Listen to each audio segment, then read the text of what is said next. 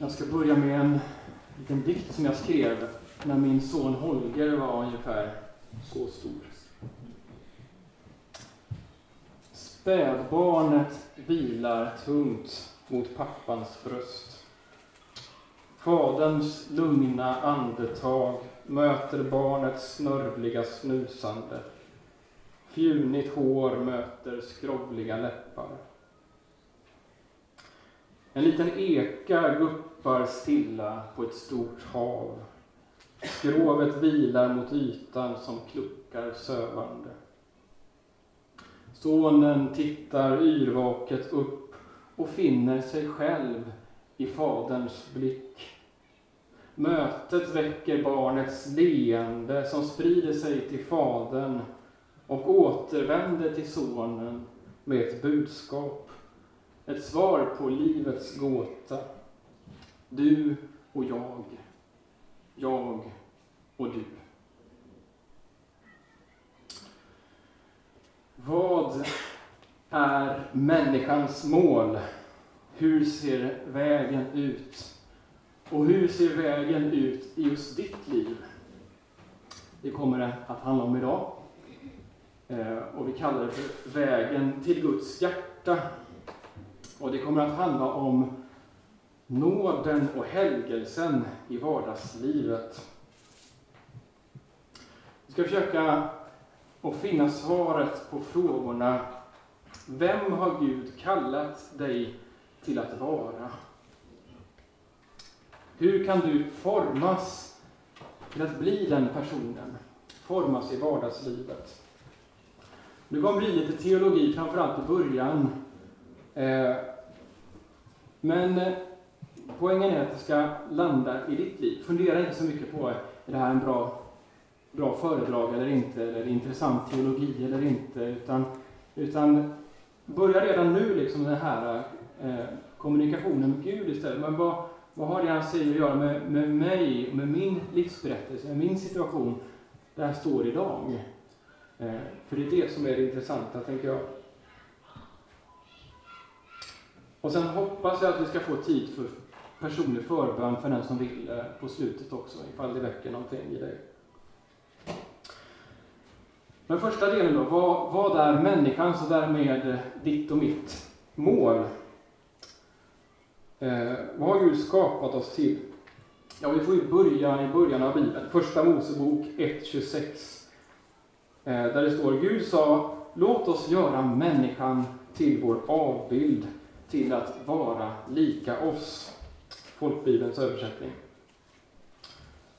Eh, och enligt judisk tolkningstradition så upprepar sig Gud aldrig. Utan när det står nästan samma sak en gång till, så menar Gud något mer, något djupare. Att Gud har skapat oss till sin avbild, det har vi kanske lärt oss i söndagsskolan. Eh, vi har att göra med vad vi är. Vi är skapade lika vackra som Gud. Och det finns ingenting i världen som kan ändra på det. Guds avbild, likheten med Gud, finns i djupet av hjärtat, till och med hos terroristerna. Det är jag helt övertygad om. Som vi läser och vi bara... Ja, det är svårt att fatta eh, mörkret. Men i djupet också av den som är fångad av ondskan så finns lika verkligt Guds avbild kvar i djupet av hjärtat. Och det gör det möjligt att älska varje människa. Men vi är ju också fallna i synd och kyrkofäderna använder liknelsen av att vi är ett, ett guldmynt. Eh, vi är guld värda i Guds ögon, vad vi än gör, hur mycket vi än misslyckas med hela vårt liv. Men alla människor är också fallna i synd. Guldmyntet är tappat i smuts och den här smutsen döljer guldet. Det är ju lika mycket värt. Men det döljer guldet så att inte, det, det vackra hos oss inte syns eh, och skiner igenom till våra medmänniskor. Och myntet har ju, eh, våra mynt har ju vår pung eh, inpräglad och på samma sätt så har, har vi i våra hjärtan för alltid universums konung inpräglad i oss. Det finns ingenting som kan ändra på det. Men kyrkofäderna menar också att, att, att vår kallelse är att successivt renas ifrån det här smutset för att bli de som vi är. Här kommer då den andra delen i, i satsen av, av vad vi är skapade till i Första Mosebok, till att vara lika oss. Vårt mål är att formas till att bli eh, de som vi är skapade till och de som vi i djupet av våra hjärtan innerst är. Till att bli Guds avbild inifrån och ut. Och Martin Luther ägnade ju en stor del av sitt liv åt att, att bekämpa sin synd ända till den här äh, omvälvande upplevelsen när Luther upptäcker att vi blir ju frälsta bara av nåd. Jag kan ju inte själv besegra min synd. Det är ju Guds seger genom Jesus på korset som befriar mig. Och det var ju en enorm befrielse eh, för Luther. Och det var inget nytt, men det hade kommit väldigt mycket i skymundan. Inte bara i Luthers liv, utan i kyrkans liv. Eh, och teologin bakom det är ju att, att i dopet så dör den, den gamla människan som är fallen med synd. Allt, vad som, allt det i oss som inte hör till vår likhet med Gud. Eh, det dör med Jesus i dopet. Och den nya frälsta människan, den som vi en gång ska bli, uppstår med Jesus. Och om vi håller fast vid det här i tro så är vi räddare. Och samtidigt, vår gamla natur gör ju att vi syndar hela livet. Vi är både syndare och rättfärdiga samtidigt, som menade Luther. Eh, och det är ju sant. Likväl är det så att, att vi kan inte skilja Luthers teologi från Luthers liv. Luthers teologi är framförallt en tröst för den människa som har gjort allt för att bekämpa synden i sitt liv och misslyckats. Där kommer nåden som en befrielse. Men när man lär sig den lutherska teologin från början så finns det inbyggt en risk för att eh, den här trösten blir utgångspunkten istället för slutprodukten. Och då kan det bli ungefär så här att, att eh, vi lever så gott vi kan eh, och så får vi förlåtelse för det som inte funkar, som vi misslyckas med. Men det viktigaste är att vi förstår att vi är syndare och alltid kommer vara syndare och att vi är frälsta bara av nåd. Det är någonting som vi ska fatta här. Och då är vi frälsta. Men det finns en, eh, en risk för att, att vi inte får hjälp att bekämpa syndens eh, destruktivitet i våra liv. Och i värsta fall så tar vi inte ens upp kampen, för det är liksom ingen idé. Eftersom vi kommer ändå alltid vara syndare och rättfärdiga. Eh, Dietrich Bonhoeffer har skrivit en suverän bok om det här som heter Efterföljelse. Och Bonhoeffer är väldigt luthersk. Eh, och samtidigt så poängterar han det här att, att utan efterföljelsen, utan att eh, leva i efterföljelse av Jesus, eh, så blir nåden eh, bara en tankekonstruktion och inte en levande verklighet i våra liv. Eh, rekommenderas varmt, jag kan inte gå in mer på det här och nu.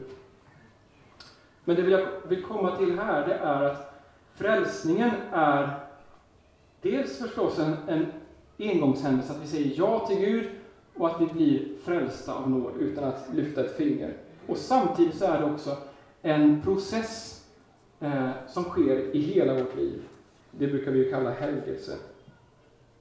I Filipperbrevet kapitel 2, vers 12 står det så här.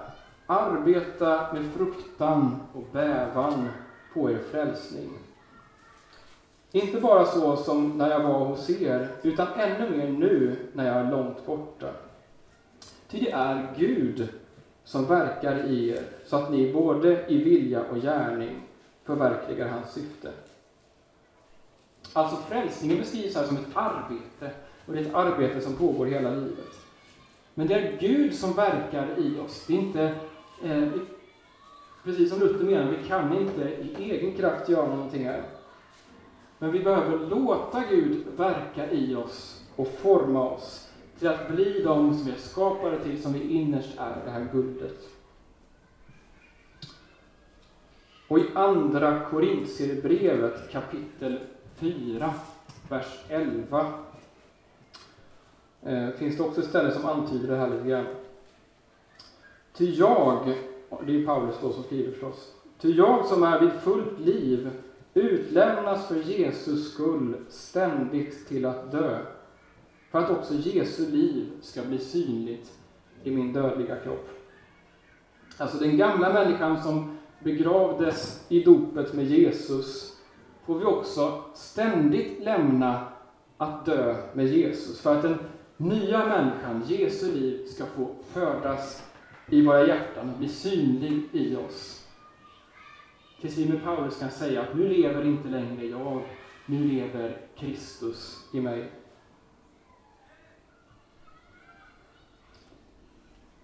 För en tid sedan så hade jag en, en dröm. Eh, det var en gudstjänst som jag ledde och så var det en eh, person som jag tycker mycket om och som eh, är jättefin och troende men, men har kommit in i kyrkans värld ganska nyligen och inte har eh, koll riktigt på kyrkans tradition och, och sånt där. Eh, och han skulle eh, i min dröm då läsa dagens evangelietext. Eh, men han bara står där och läser inte och, och, och så säger jag så att ja, eh, nu ska vi läsa dagens evangelietext. Nej, det ska vi inte göra, säger han. Eh, Nähä, vad tycker du vi ska göra då? säger jag. Så här, dumt, det hade jag aldrig sagt på riktigt, men det säger jag i drömmen. Och han säger ingenting, han bara står och ler så här fånigt. Eh, och jag ursäktar mig inför församlingen säger det brukar inte vara så här och, och så. Och så börjar jag bläddra så här och så, och så ska jag själv läsa dagens evangelium. Jag hittar den inte hur mycket jag letar. Och det blir mer och mer pinsamt och till slut i ren desperation så börjar kantorn att spela nästa psalm. Och då, plötsligt, eh, så börjar, börjar det liksom, det är någon som ropar det börjar bli oroligt i rummet. Och det visar sig att en flod som är precis intill kyrkan har svämmat över sina breddar eh, och, eh, och håller på att rycka med, riva med sig kyrkans fundament och därmed hela kyrkan. Och alla rusar till det här stället där kyrkan håller på att ge vika för att liksom ställa sig på eh, golvet och hålla fast det. Liksom. Och jag börjar också springa dit tills jag inser att men vi kan ju inte rädda kyrkan, vi måste ju rädda oss själva om vi inte ska spolas med. Så jag börjar springa mot utgången och ropar till de andra att vi måste, vi måste rädda oss själva. Och då ger hela kyrkan vika. Och då vaknar. Ja, vad säger den här drömmen? Oavsett om det, var, om det var en hälsning från Gud eller mitt undermedvetna så tror jag att det finns ett budskap här. Eh, kanske är det så att stora delar av vår kyrka håller på att förlora fundamentet som den är byggd på. Den urgamla vägen till frälsning som kyrkofäderna kände, som levde det här livet fullt ut. Och vi kan försöka att, att lappa ihop kyrkan på olika sätt. Eh, vi kan försöka få folk att förstå det här fundamentet. Eh, som jag försökte att liksom rätta till den här, eh, vad han skulle läsa och så eh, i kyrkan.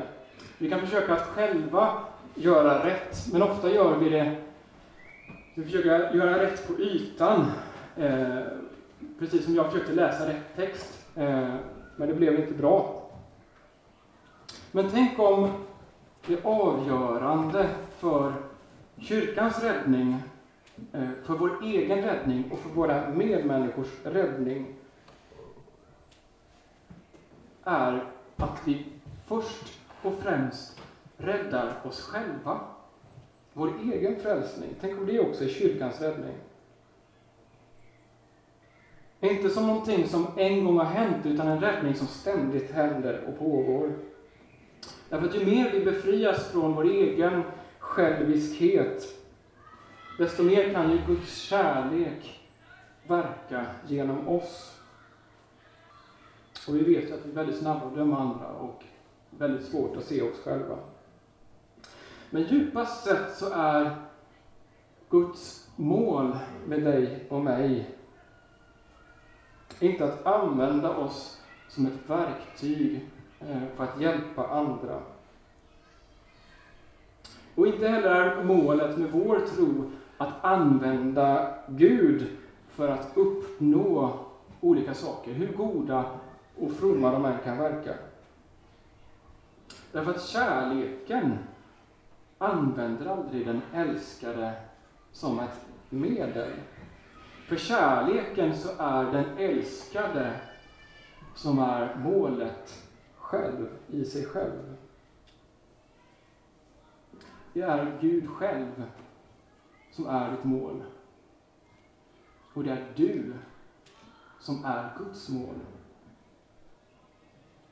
Svaret på livets gåta kanske är just det som dikten slutade med. Du och jag. Jag och du. Gör mitt liv vackert. Som en sång som får hjärtat att darra. Som en film som öppnar dörren mot livets storhet. Som solens sista strålar på sommarängen. Gör mitt liv vackert, som när familjen förenas i ett gapskratt. Som när främlingen blir en broder i en väntsal. Som när Svensson vågar livet för en okänd. Gör mitt liv vackert, som kärlekens svar mot hatet. Som ett hjärta i dina händer på liv och död. Som en äventyrsresa in i din gränslösa famn. Gör mitt liv vackert. Som ett avtryck på jorden av din skönhet. Som en gåva som ger dig glädje. Att överlämna till dig när mina dagar tagit slut. Nu kommer till den andra delen. Guds hjärta är vårt mål. Men hur ser vägen till Guds hjärta ut? Först och allra viktigast, äkta andlighet kan man per definition inte vara bra på. För den är bara Guds eget verk. All andlighet som bygger på att vi är duktiga och presterar är falsk andlighet. Falsk andlighet kan man vara bra eller dålig på. Fariseerna var väldigt bra på falsk andlighet.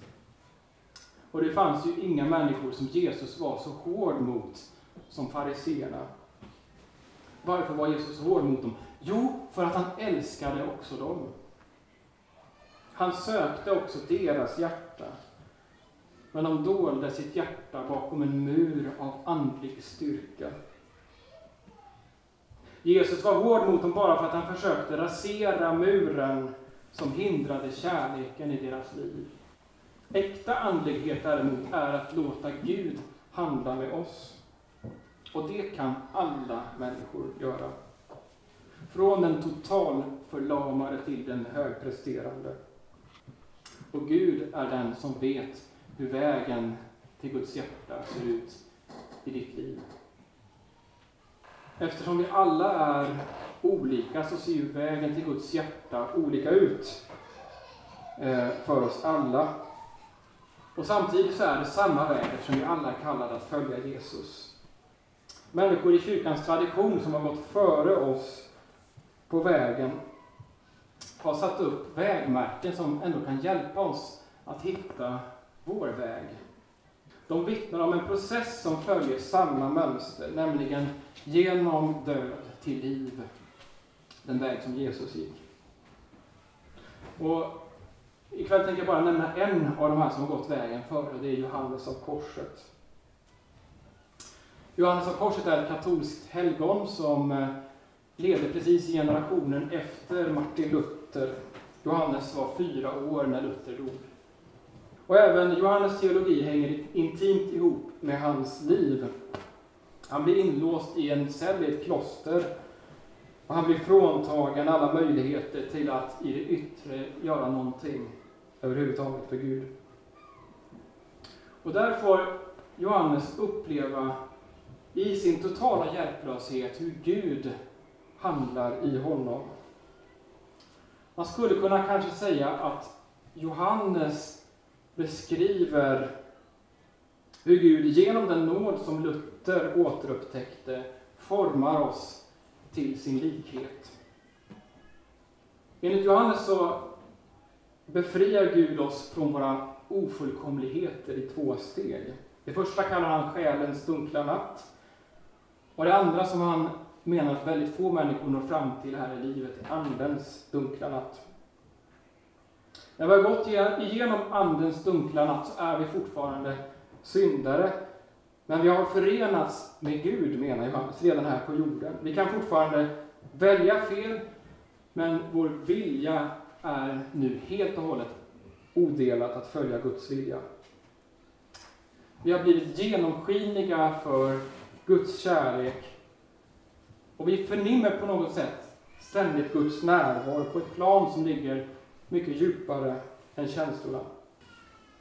Hjalmar Ekström, en svensk mystiker som levde under första delen av 1900-talet, eh, beskriver föreningen med Gud så här, bara för att vi ska få en liten, en liten smak av det här målet. I denna fördoldhet födes den gudomliga synen i människan.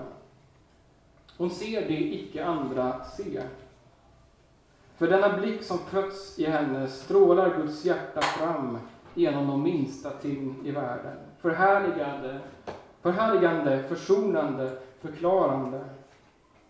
De ger liv och ord åt allt, öppnar oändliga vidder av Guds härlighet i allt som är och sker och gör till och med denna världen stock och sten och bråte genomskinliga som kristall så att alla höljen öppnar sig och avslöja tingens innersta väsen.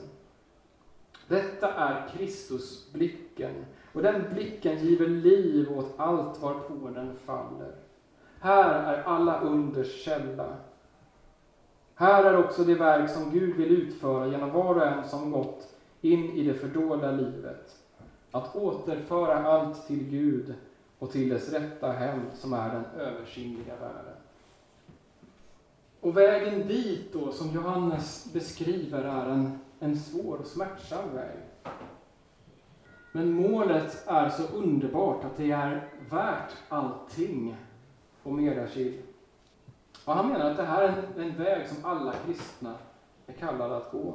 Och Johannes beskriver den här vägen som en process som alla kristna som strävar efter att följa Jesus förr eller senare eh, leds in i. Han beskriver processen ganska schematiskt, men han är också tydlig med att i verkligheten så följer den här ju inga givna mallar, eftersom det gör ju inte livet. Under många år kan vi uppleva natten ibland och ibland inte, och natten ser väldigt olika ut för olika människor. Men förr eller senare förs vi alltså in i natten. Och jag ska bara skissa lite grann början av den här vägen. När vi just har kommit till tro, eller när vi för första gången har blivit berörda av Anden, så brukar Gud möta oss med massor av välsignelser. Precis som ett spädbarn överöses med massor av kärlek så får vi ofta uppleva massor av Guds kärlek, omsorg och helande den här tiden. Och det gör Gud för att övertyga oss om hur mycket han älskar oss, alltid, för att det ska verkligen finnas som en solid grund i våra liv. Men alla Guds välsignelser gör oss lätt också blinda för våra egna brister. Vi ser lätt oss själva som lite andligare än andra människor. Vi söker lätt upplevelsen av Gud mer än Gud själv. Vi blir lätt arga på oss själva för att vi inte genast blir befriade från alla våra brister och helst skulle vi bli ett helgon idag eller imorgon. Så det andra steget kan man säga är att Gud börjar leda oss in i natten. Och den innebär att alla de här härliga upplevelserna av Gud börjar sina tas ifrån oss. Och vi blir istället allt mer medvetna om våra brister. Och här är det lätt att tvivla på Guds kärlek och Guds närvaro i våra liv. Vi kan känna en allt starkare längtan efter Gud samtidigt som Gud känns allt mer frånvarande. att be kan kännas torrt och meningslöst. Här finns en stor risk för att vi ger upp vårt böneliv eller, eller att, det, att det går slentrian i det, eller att det, går, att det bara blir en, en jobbig börda för oss. Och så börjar vi mer och mer kanske söka eh, tröst i andra saker istället. Istället för Gud, eftersom Gud inte längre ger oss tröst. Men det som egentligen händer här, när Gud börjar ta välsignelserna ifrån oss, är att Gud håller på att komma närmare än förut. Vi ser inte Gud därför att Gud håller på att verka här inne i våra hjärtan och rensa ut en massa bråte där. Gud skapade större tomrum i hjärtat för att kunna fylla oss med mer av sig själv. Det är i själva verket just detta att Guds kärlek har kommit närmare som gör att vi upplever mer av vår synd, vår brist. Som Petrus säger, gå ifrån mig, jag är en syndare. När det goda kommer nära så bränns det som en eld. Och vi ser hur stor skillnad det är mellan oss och Gud. Och de som har gått den här vägen före oss ger oss ett enkelt råd. Och det är, fortsätt att be. Om orden känns meningslösa, ja men lämna då orden. Bara var inför Gud och lita på att Gud verkar i dig just nu, fast det inte känns. Lyssna till din längtan efter Gud, för det är Gud själv som verkar i dig. Du skulle inte längta om inte Gud skapade den längtan i dig. Nu är det dags att sluta prestera inför Gud och bli stilla, så som lerkärlet är stilla och låter sig formas av krukmakarens händer. Nu är det dags att komma inför Gud fattig, som en tiggare med tomma händer. Som ett bräckligt litet barn som längtar efter sin himmelska far. Ibland tar den här övergivenheten en paus. Och vi kan få uppleva en, en frid och en frihet och en glädje på djupet som är så underbar att vi kan ana att det är värt allt. Någonting som ligger djupare än de här eh, känslorna som vi kanske upplevde först. Och vi förstår att Gud håller på att göra våra liv vackra. Att han håller på, faktiskt, fast det inte känns så, att forma oss till att bli de vi innerst är. Plikten håller strama tyglar. Kärleken andas fritt. Plikten frågar ängsligt. Gör jag tillräckligt? Gör jag rätt? Kärleken vilar i att vara älskad. Kärleken kalkylerar inte över konsekvenser. Kärleken tar emot lika lätt som den ger. Alltid här och nu. Nu har vi kommit till den sista delen. Hur ser vägen ut i ditt liv? Och vad är nästa steg just nu?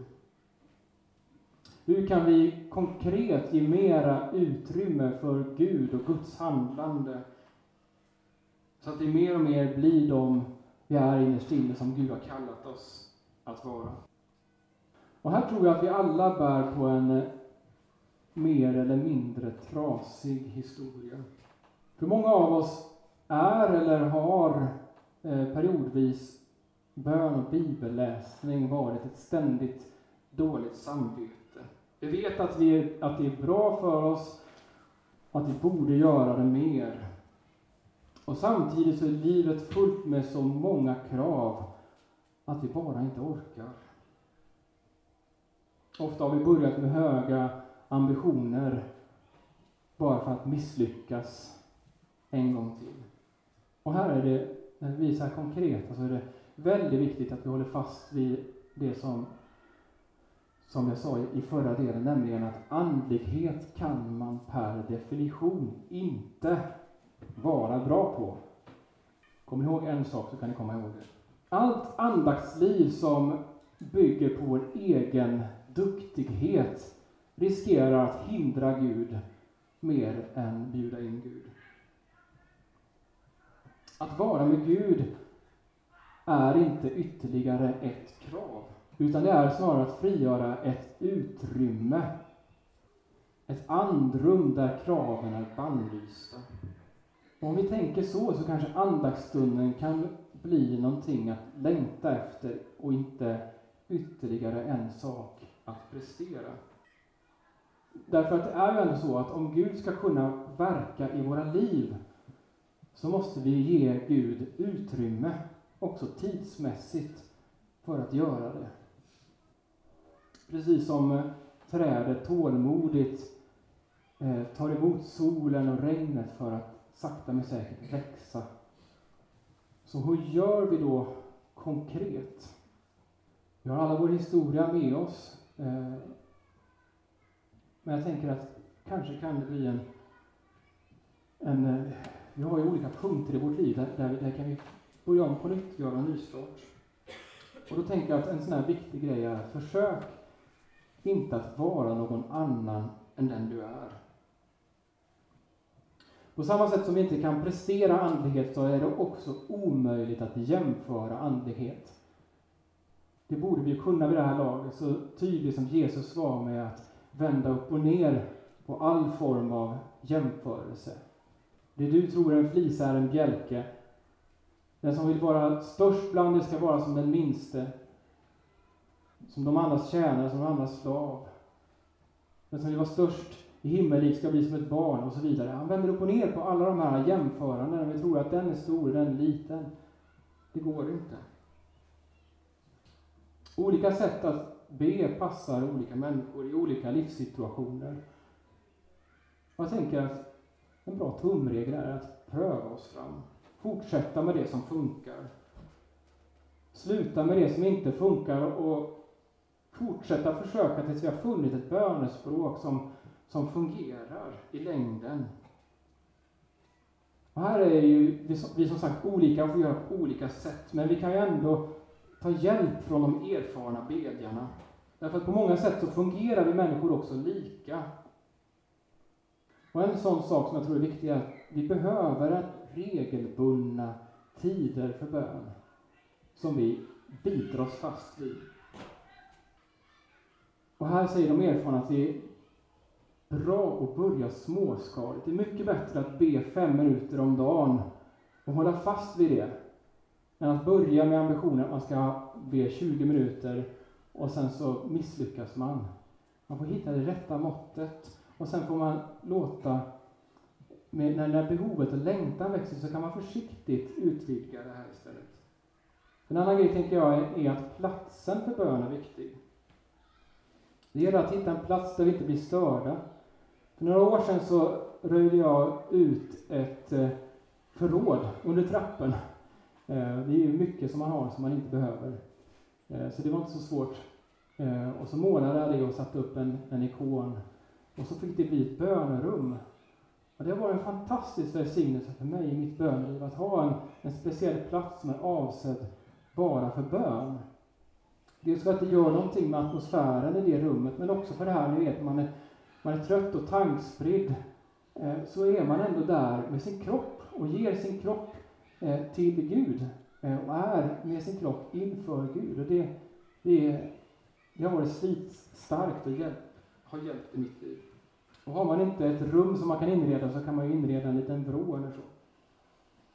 Eller man kan hitta en, en höjd i närheten, eller man kan gå en promenad, eller man kan eh, be på bilresan hem från jobbet. Ja, ni vet. Jag har säkert provat en massa grejer, men använd det som funkar i ditt liv just nu.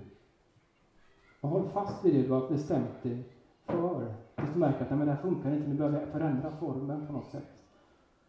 Men regelbundenheten Bit dig fast i den. Det är, det är för att regnet måste fortsätta falla för att det ska växa. Vi måste utsätta oss för Guds nåd, för Guds kärlek. Det är en stor hjälp att ha en form att följa. eller Det har det varit för mig i alla fall. Jag växlar lite grann mellan det fria bönen och det, och det fasta, men, men ibland kan man känna att jag kan inte komma på något att be för. Och då är det så fint att, eh, att det finns en så rik skatt att ösa ur. Jag tänker jag tänker på tidigare, till exempel de här tidebönerna som vi ber här. Att be med Bibelns ord som Jesus gjorde och som han gör över kloster i hela världen idag. Och vi behöver också Guds ord. Det är att be med Guds ord, att be tidigare. Men vi behöver Guds ord också regelbundet för att, för att växa. Och det är ju framförallt i, i ordet som Gud talar till oss. Men även handen på hjärtat så tror jag att, att, att vi alla har upplevt att också bibelläsningen ibland upplevs som kravfylld. Det blir en textmassa som man ska ta sig igenom. Eller någonting som man ska försöka förstå. Eller så tycker man att man har förstått den här texten hundra gånger om. Och så känns den tom. Och då kan det vara en befrielse, tycker jag, att be Bibelns ord.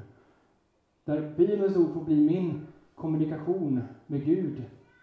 En mötesplats. Ett annat sätt att göra Bibeln till en mötesplats med Gud är det här att med fantasins hjälp kliva in i bibelberättelsen, i bibelmeditationen. Det kan man få hjälp med, eh, att, att hitta ett sätt att, att liksom kliva in i Bibeln och möta Gud där. Om Bibeln har blivit någonting som har blivit en prestation. Sen har vi den stilla bönen. Det här var ju Johannes av Korsets specialitet. Eh, att bara vara inför Gud, bara ordlös, kärleksfull uppmärksamhet, kallade Johannes det för. Jag har examen i Ignatius av Loyolas, eh, där man mot slutet av dagen går igenom dagen och försöker spåra hur, Gud, hur har Gud mött mig under den här dagen. Ja, det finns ju en massa sätt. Lovsånger och psalmer, är ju också ett sätt att be. Men poängen är att vi behöver regelbunden bön. Det är liksom som att andas i, i, i Guds rike. Det är så Gud formar oss. Men vi behöver också den eh, ständiga bönen. Att vara uppmärksam på hur Gud möter oss i hela livet, under hela dagen, i allt som sker. Genom blommans doft och fågelns sång, genom en kram som jag får från mitt barn, genom, genom arbetskamraten som irriterar mig, faktiskt. Kan ni fundera på, hur möter Gud mig där? Men jag tror att Gud gör det. Eh, man kan också välja ett, ett bibelord eh, som, man kan, som man fastnar för, som man kan, eh, ett, ett kort bibelord som man kan upprepa som en bön under dagen. Bara för att påminna sig om, om Guds närvaro i sitt liv. Göra sig tillgänglig. Gud vill dra dig allt närmare sitt hjärta. Inte för att Gud vill dra nytta av dig, utan för att Gud älskar dig. Målet med ditt liv är att ta emot Guds kärlek och låta den kärleken förvandla dig. Det är din räddning, det är dina medmänniskors räddning och jag tror att det också är vår kyrkas räddning. Gud har vandrat med dig hela vägen till där du är just precis här nu ikväll. Gud har ständigt kommit till dig som kärleken, också när det kändes som motsatsen. Vi får vila i kyrkans tradition som säger att det är så. Och Gud kommer till dig också här och nu ikväll. Allt som har blivit misslyckat vill och kan Gud hela och förlåta ikväll. Ikväll finns en möjlighet att börja om på nytt i din relation med Gud, om du vill. Låt oss be.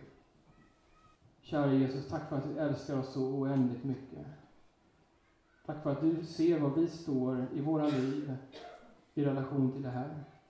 Tack att du ser våra misslyckanden, tack att du ser vår längtan, tack att du ser vår smärta. Tack att ingenting är dolt för din blick. Tack att vi är helt genomskådade och helt älskade av dig. Kom och möt oss med din kärlek just nu. Visa oss vad nästa steg på vägen mot ditt hjärta är i våra liv. Och låt din kärlek forma oss, rädda oss, till att bli de vi innerst är, lika vackra som dig. Amen.